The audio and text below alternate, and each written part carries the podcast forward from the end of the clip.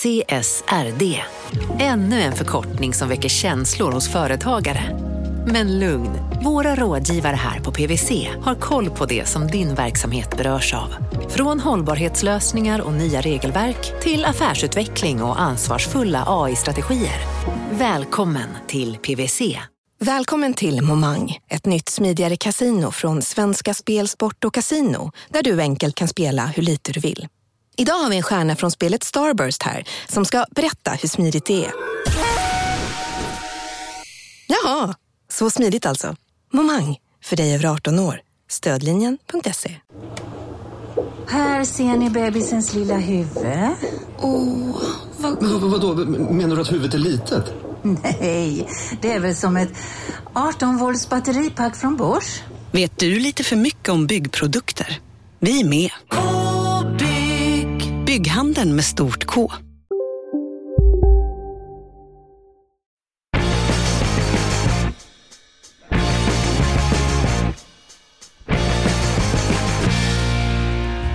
Det är tisdag och det betyder att det är dags för ännu ett avsnitt av De kallar oss krypto. Den bredaste kryptopodden i landet där vi försöker få våra lyssnare att eh, lära sig allt inom kryptovärlden med oss. Eh, jag själv som heter Mårten Andersson är ju i grunden komiker och entreprenör men snöade för en tid sedan in på krypto helt och hållet och eh, lär mig nya saker varje dag.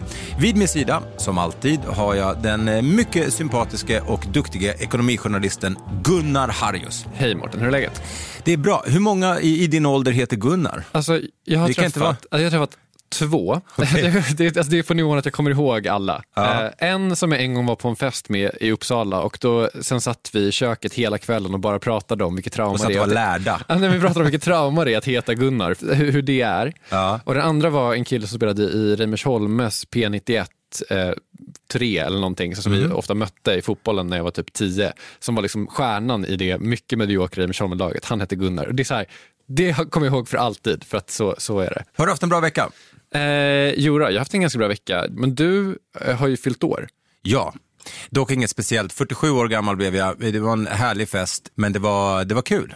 Är, är liksom 47 motsvarande så, alltså det finns ju, med- för rockstjärnor finns det ju så 27 club, att så här, alla rockstjärnor dör när de är 27, dör komiker när de är 47 och återföds som krypto. Du återföds som krypto. Jag vet faktiskt inte. Nej. Eh, Det är dags för oss att dra igång dagens avsnitt eh, och eh, jag är alltid lika glad när hon är här, nämligen våran, ett av våra kryptoorakel, Anna Svan. Så ni kommer få svar på massor av era frågor. Det blir som vanligt ett nyhetssvep, det blir kryptoskolan och massa annat. Vad mer kan man begära här i världen? Ett gitarrsolo. Right, dags för eh, nyhetssvep. Mårten, svep undan fötterna på mig. I veckan så öppnade amerikanska centralbanken upp för högre räntor i framtiden. Något som påverkade både aktiemarknaden och kryptomarknaden. Bitcoin till exempel dippade med 6 varje vecka dyker det upp nya företag som ger sig in i kryptovärlden och den här veckan verkar det vara den amerikanska auktionsjätten Ebay som det är dags för. Ebay sägs nu börja acceptera betalningar i kryptovalutor inom kort och öppnar dessutom upp för listningar av NFTs, alltså non-fungible tokens, digital konst eller samlarkort eller videor på deras plattform. På tal om NFTs, nästa organisation att ge sig in i det racet är UFC, alltså fightingorganisationen som anordnar MMA-galor runt om i världen. UFC vill nu börja släppa rättigheterna till digitala samlarkort från sina galor. Det här efter att tungviktsvärldsmästaren Francis Ngannou själv sålt en NFT föreställande honom för 58 000 dollar. Och till sist Sverige. Kryptovalutabolaget Gobit Group är numera listade som Sveriges första kryptobörs på First North Nasdaq. Och eh, när aktien släpptes så kostade den 3,91 kronor men var som mest upp nästan 70 procent. När vi eh, spelar in det här så är den värd 7 kronor och 45 öre. Noteringen gör det möjligt för en bredare krets att vara med och investera i en ledande aktör i den snabbt växande kryptobranschen, säger vdn Per Helgesson i ett pressmeddelande. Ja, det var nyheterna. Det var nyheterna med mig, Bengt Magnusson. Ehm, Var det likt tyckte du? du, den är ju stark som fan, det måste jag ändå säga. Jag gjorde en sketch när jag gjorde program med Pontus Gårdinger för många år sedan och då, eh, då tog vi såna här rökmaskiner eh, och fyllde ett helt rum så man bara såg rök och sen så var i sketchidén då var att Pontus skulle gå ner eh, och eh, hämta eh, gästen då som var Bengt Magnusson. Och han kommer dit och bara ryker, han bara Bengt, Bengt, är du där? Ja då, jag sitter bara och tar mig ett gott blås. Det tyckte jag var kul. Ja, det var roligt då i alla fall. Eh, Är det något du fastnat för i, i svepet, något du du gärna vill prata mer om?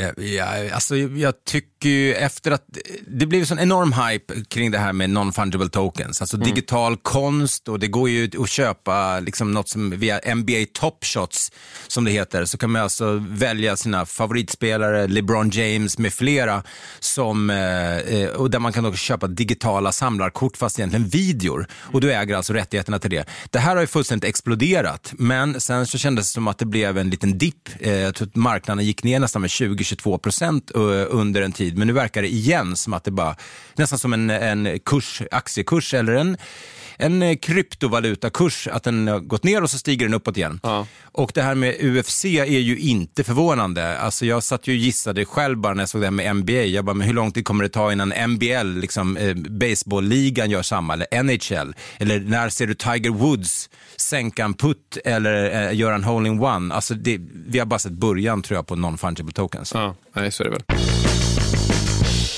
Närmast i podden är det dags för eh, comeback efter en strålande premiärinsats. Anna Svan, välkommen tillbaka. Tack så mycket. När jag kom hit så var det som att kastas in i exakt de förväntningar man har på vem du är som person efter att ha lyssnat på den här podden. Är det så, och vad är, det, vad är de?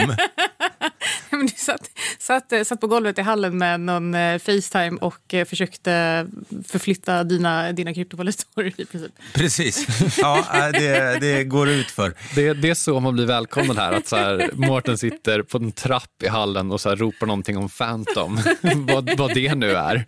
Som ska tradas till, till Bo. Nej, men det är, det är, det är, stre, har varit, det är stressigt, stressigt liv kan man säga. Men det var kul och för er som inte eh, lyssnade då ska ni göra det. Avsnitt två var hon gäst allra första gången. Eh, Anna Svan som är kryptoexpert men också eh, driver en eh, hedgefond helt själv. Eh, eller helt själv gör det ju inte. Nej, vi, vi är Men VD. fem personer. Ja. Precis. Men framförallt så är det ju ett av våra orakel. Exakt. Ja. och är då tillbaka hos oss här i De kallar oss krypto för att svara på era frågor. Sen kanske jag och Gunnar också har frågor, men vi börjar med era. Och som alltid så ska ni ringa in frågorna, för då har ni mycket större chans att komma med. Vi tycker det blir roligare, det blir personligare än att vi ska sitta och läsa det ni har skrivit. Så jag tycker vi kör igång. Ja, Hej, jag heter Tobbe Blom och eh, ställer mig upp och säger att hej, jag är numera beroende av krypto.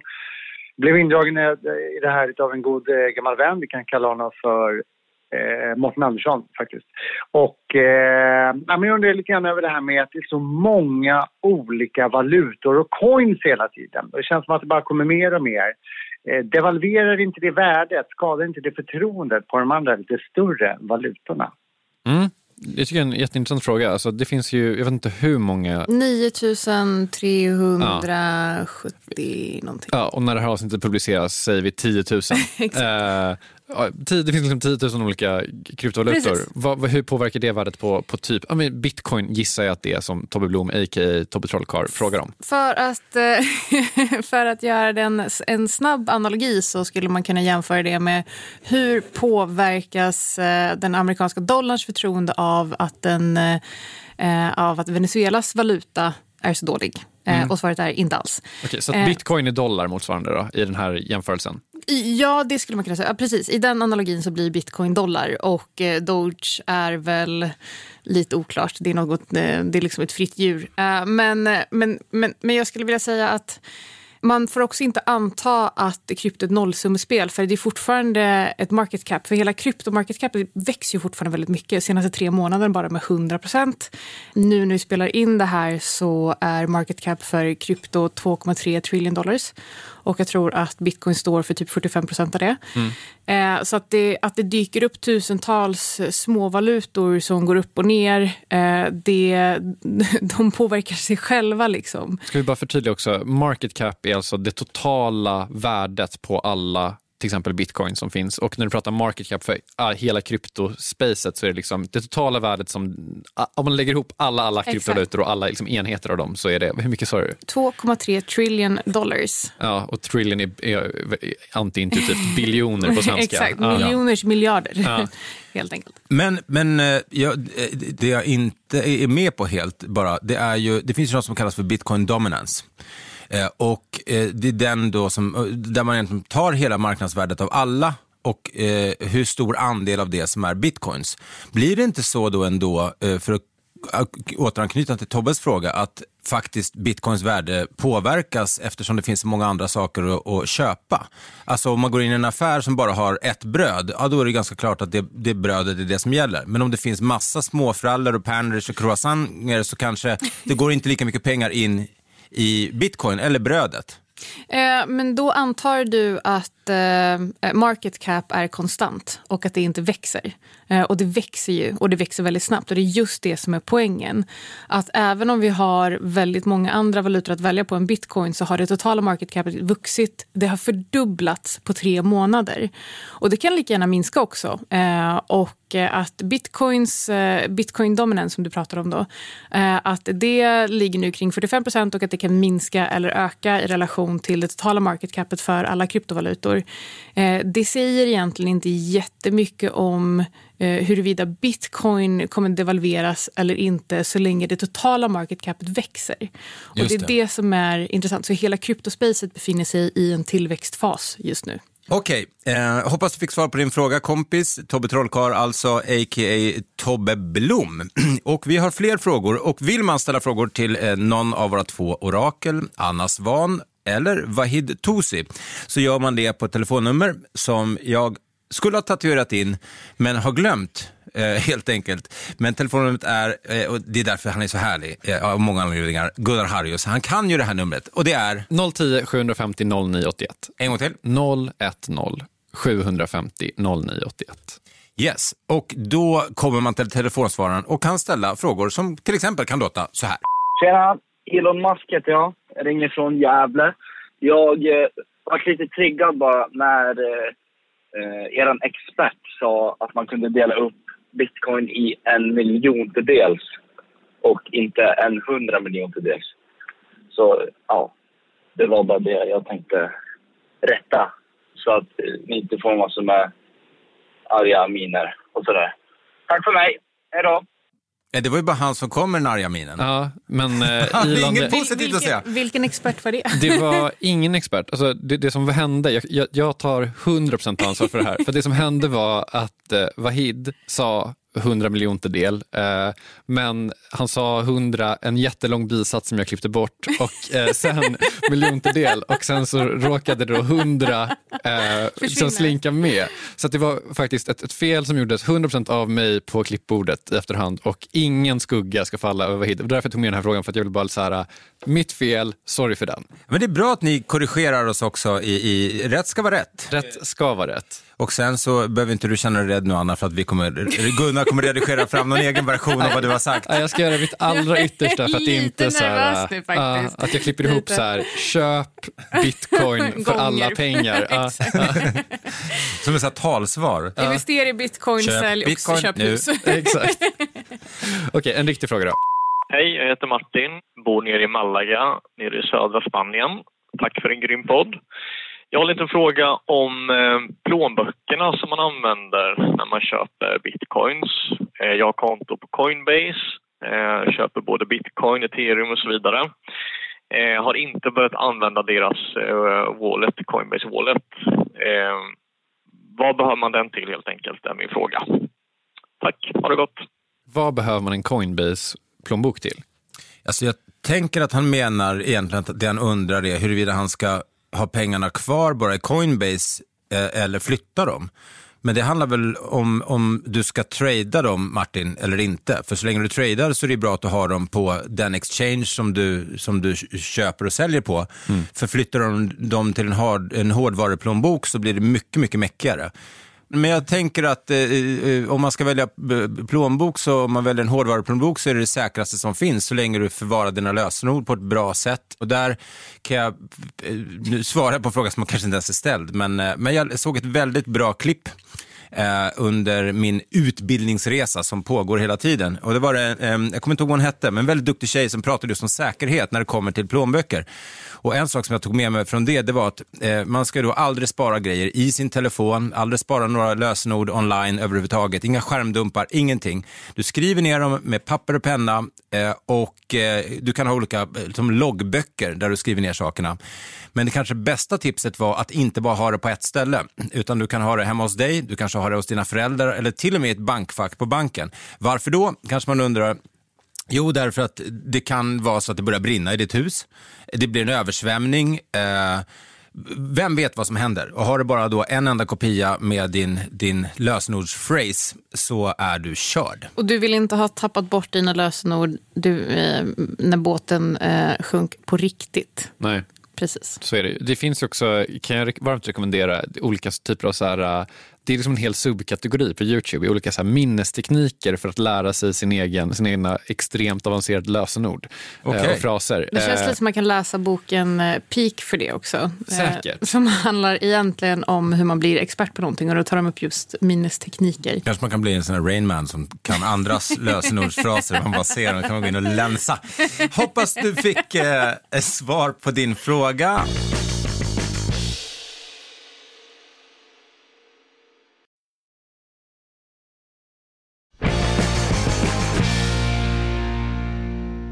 Vi går vidare i fråge, frågestunden.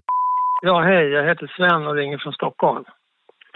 Att det inte finns ett bakomliggande värde, hur påverkar det värderingen av bitcoin jämfört med andra valutor? Tack. Bara förtydliga lite vad han menar med bakomliggande värde. Alltså, du kan ju till exempel inte byta in bitcoin mot jag vet inte, guld. Eller, alltså man pratar ju om att bitcoin har ett värde som, som är bara av sig självt givet på något sätt. Och eh, det borde rimligtvis då påverka värderingen av bitcoin och hur, hur man tänker kring det. Ja, nej, men precis. Men när man pratar om underliggande värde i, eh, då jämför man väl, då prat, det är ju en sån diskussion som man har mellan guld och bitcoin. Vad är egentligen bäst? För att guld kan du till exempel använda i eh, teknologi eh, och andra grejer. Men, eh, men om man tittar på hur mycket av eh, guldet som grävs upp som faktiskt används till teknologi så är det, jag tror det ligger på förra året 2019 så var det typ 7 procent mm. och sen så ökade det till typ 12 procent. Eh, medan investeringsguld står för typ 50 procent. Eh, inklusive det som centralbanker har i sina reserver. Och resten sitter på Versaces kläder. Typ. Exakt så. Eh, nej, men så det underliggande värdet, det är, det är en jätteintressant diskussion och eh, om man tittar på eh, den österrikiska ekonomiska skolan så menar ju de då att eh, om du har ett Eh, om det finns andra användningsområdet för det som du ska använda som pengar så skapar det onödiga prisfluktuationer i, eh, för, för den här valutan. Eh, så det är ett sätt att se det på. Ett annat sätt att se det på är vad är det underliggande värdet i svenska kronor idag? Mm. Det enda underliggande värdet som, som fiatvalutor faktiskt har det är förtroendet som vi då har för centralbanker. Och för oss som kanske är mer Um, kritiska? Kritiska det var ett bra ord. Jag hade andra ord ja. som jag valde bort. Eh, för oss som är kanske lite mer kritiska mot centralbanker och hur de har agerat eh, senaste framförallt eh, 12 åren, 12-13 åren så finns ju det här förtroendet faktiskt inte kvar. Så jag skulle inte säga att det, finns, att det är negativt. Du tycker inte det är någon skillnad egentligen kan man sammanfatta det med eh, mellan krypto och underliggande värde och fiatpengar, traditionella tryckta jo, pengar? Eh, jo, eh, och skillnaden är att här har du inte en central enhet som du behöver lita på. Eh, och, eh, och det är väldigt positivt. Ja, just det. Men Så det bara... är värdet egentligen då? Ja, Men ska vi bara ta den frågan? För det här, det här är en fråga som, som jag tror att många har. Som är, okej, okay, det finns inte någon centralbank liksom, Vem styr bitcoin? Vem styr över kryptovalutor? Ingen och alla, kanske man skulle kunna säga. Ja. Ehm, du har ju det, hela poängen var ju att skapa en valuta som inte har en central enhet. För att du inte ska ha, det är det som decentraliserad betyder. Och det är det som är hela poängen. Det ska inte finnas någon som säger äh, men nu fördubblar vi antalet bitcoin och det kan påverka värdet negativt. Eh, det är just det som är eh, poängen med kryptovalutor och därför bitcoin eh, startades och skapades från början. Det är en sak som jag tycker också är så intressant som har dykt upp. Jag vet att det var en av de första frågorna som jag ställde till Wahid när jag såg det, att, att flera länder börjar, Sverige bland andra, eh, Kina och med flera som börjar se över då central bank digital currencies. Och jag sa, men är inte det här en risk för bitcoins värde därför att konkurrensen eh, kommer mycket, blir mycket större nu och folk kommer välja den? Ja, men han menar på att det bara var bra. Eh, och det vore intressant att höra vad du har att säga om det också. Men att, eh, att det snarare kommer göra att folk förstår att det är inget fuffens med krypto utan, och digitala valutor, utan det är den vägen vi måste gå. Men också att de valutorna, skillnaden blir att de är inte printade utan de är minade, alltså gjorda av datorer. Men det kommer kunna finnas oändligt i antal och inte då vara begränsat som till exempel bitcoin. Eh, bara förtydliga att det du pratar om är alltså motsvarande e-kronan. Alltså om Riksbanken skulle släppa, släppa en kryptovaluta. Liksom. Ja, eller en digital en yen digital, om man så vill ja. i Kina och så vidare. Ja. Det är precis som Wahid säger. Eh, det det gör är att eh, man skulle kunna säga att det som Kina har gjort nu är att de tränar sina, eh, sina invånare i att använda digitala valutor. Så jättebra för, för riktiga kryptovalutor som är decentraliserade. Mm. Det skapar en ökad förståelse, ökat förtroende och sen så tror jag också att ju mer man lär sig och då förstår man också själva poängen med att någonting faktiskt är decentraliserat och då har man redan tillräckligt mycket kunskap om någonting för att man har liksom blivit utbildad av till exempel Riksbanken eller den kinesiska centralbanken och då blir det lite enklare för en att faktiskt gå över på eh, riktiga decentraliserade eh, digitala valutor. Hörrni, eh, vi har eh, fler frågor till Anna såklart, men först så ska vi hugga in i veckans eh, kryptoskola. Och den här veckan ska Åsa Secker lära oss allt om vad ethereum är för någonting. Kryptoskolan lektion 5. Vad är ethereum? De flesta tänker nog att kryptovaluta är samma sak som bitcoin. Men det finns ju olika kryptovalutor och den näst största efter bitcoin det är ethereum. Eller egentligen så heter själva valutan faktiskt ether eh, och ligger på ethereum-plattformen. För ethereum är faktiskt mycket mer än bara en valuta. Det brukar snarare beskrivas som ett ekosystem. Så här kan man tänka på det. Eh, blockkedjan som är ethereum det är som en väg. Det är liksom infrastruktur. Och på den här vägen så kan du ju då köra massa olika bilar. Eter, valutan, är en sån bil, men det finns ju också massa andra. Till exempel de flesta NFT-erna, alltså de här digitala ägarbevisen för bilder och samlarkort, de ligger på ethereum eh, och är då andra bilar som använder sig av ethereums väg. Eftersom att ethereums kod är öppen för alla eh, så kan man i princip bygga vilka bilar som helst som kan köra på den här vägen. Men som bensin i alla bilar så används etervalutan. Så att vill du skicka en NFT till någon så behöver du betala en liten avgift i eter för att bilden ska kunna skickas. Det här är en av sakerna som driver priset på eter. Det behövs helt enkelt för att få de här andra bilarna på vägen att köra.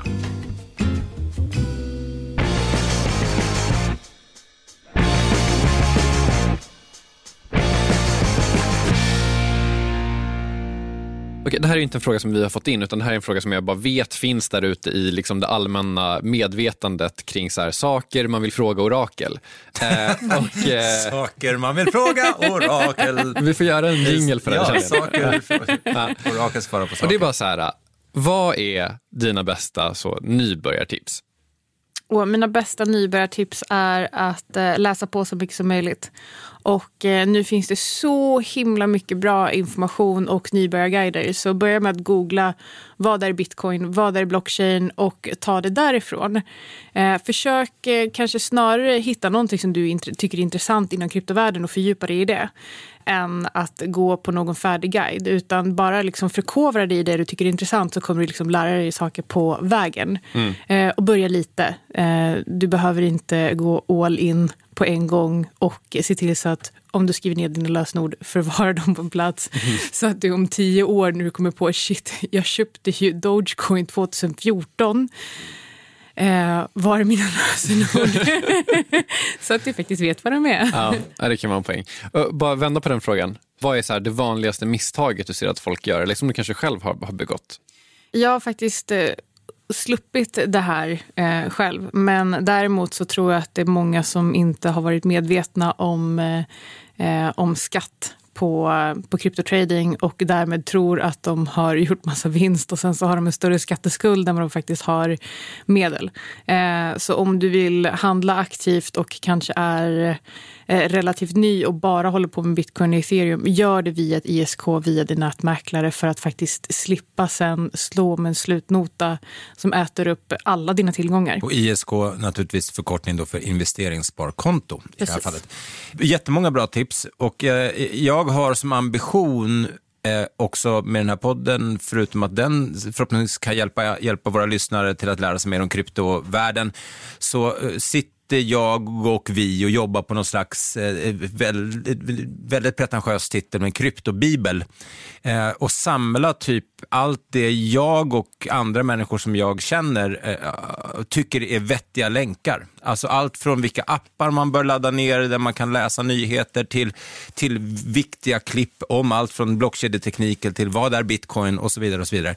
Så den kommer vi fylla på allt eftersom. Men, eh, och den kommer man kunna hitta eh, som- under veckorna i våra sociala medier också när vi börjar portionera ut grejer. Men sen kommer allt finnas samlat.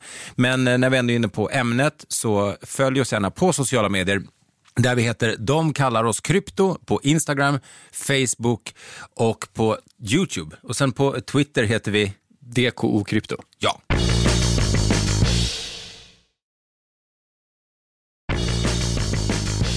Anna, tidigare i nyhetssvepet så hörde vi ju att eh, när, det, eh, när det här spelas in då så var det ju idag på dagen som BTCX eh, blev Sveriges första kryptobörs att lanseras på First North eh, Nasdaq här i Sverige. Och eh, som sagt, kursen stack upp eh, 62 procent var det senast jag kollade. Har du någonting du vill kommentera vad det gäller BTCX lans- eller notering? Du som är i den här svängen liksom. jag som är i hela den här svängen.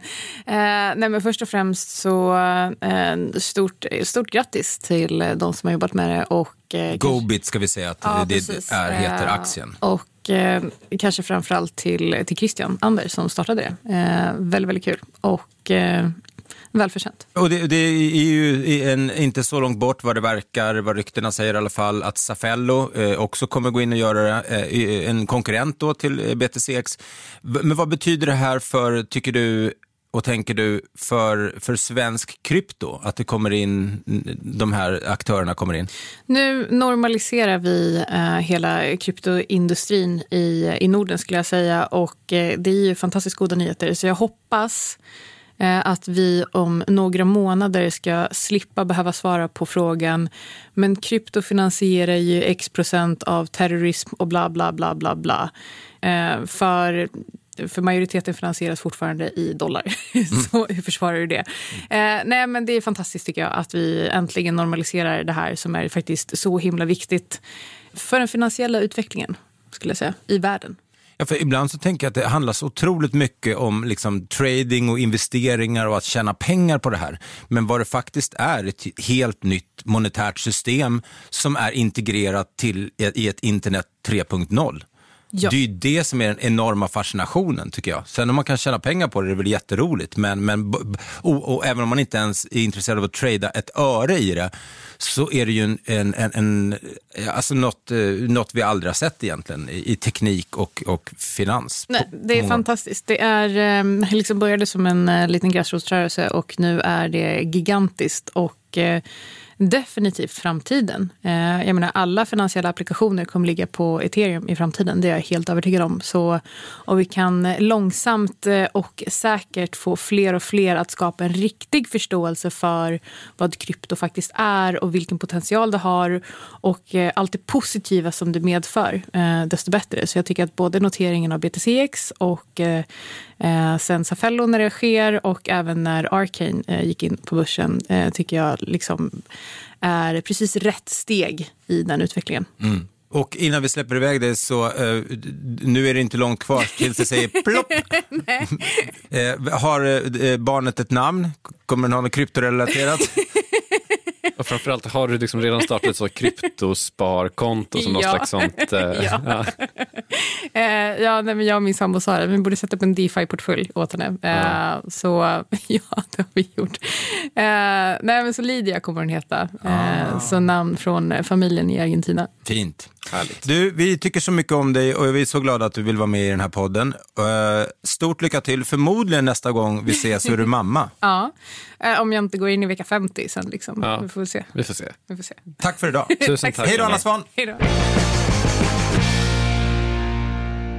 Anna Svan, vilken jävla ynnest det är att ha ett orakel som henne som bara liksom man bara får ösa ur sig alla tankar man har och så bara får man någonting stringent tillbaka. Jag menar, alltså, man sitter ju mer eller mindre mentalt och gapar av hennes kunskap. Mm, otroligt är det. Ehm, vill man ställa frågor eh, till henne eller till Vahid Tosi så gör man alltså det på 010 750 0981. Ingen fråga är för enkel eller för dum. Eh, Vi är här för er skull och vi lär oss tillsammans med er. Så är det med det. Eh, Jag tror att det var det vi hade den här veckan. Så är det. Nästa vecka en ny gäst. Vem det blir är inte helt klart än, men det kommer bli en jävla toppengäst. Lovar. Ja. Så lyssna då. Och eh, följ oss som sagt gärna på sociala medier. Vi heter De kallar oss krypto överallt utom på Twitter där vi heter DKO Krypto.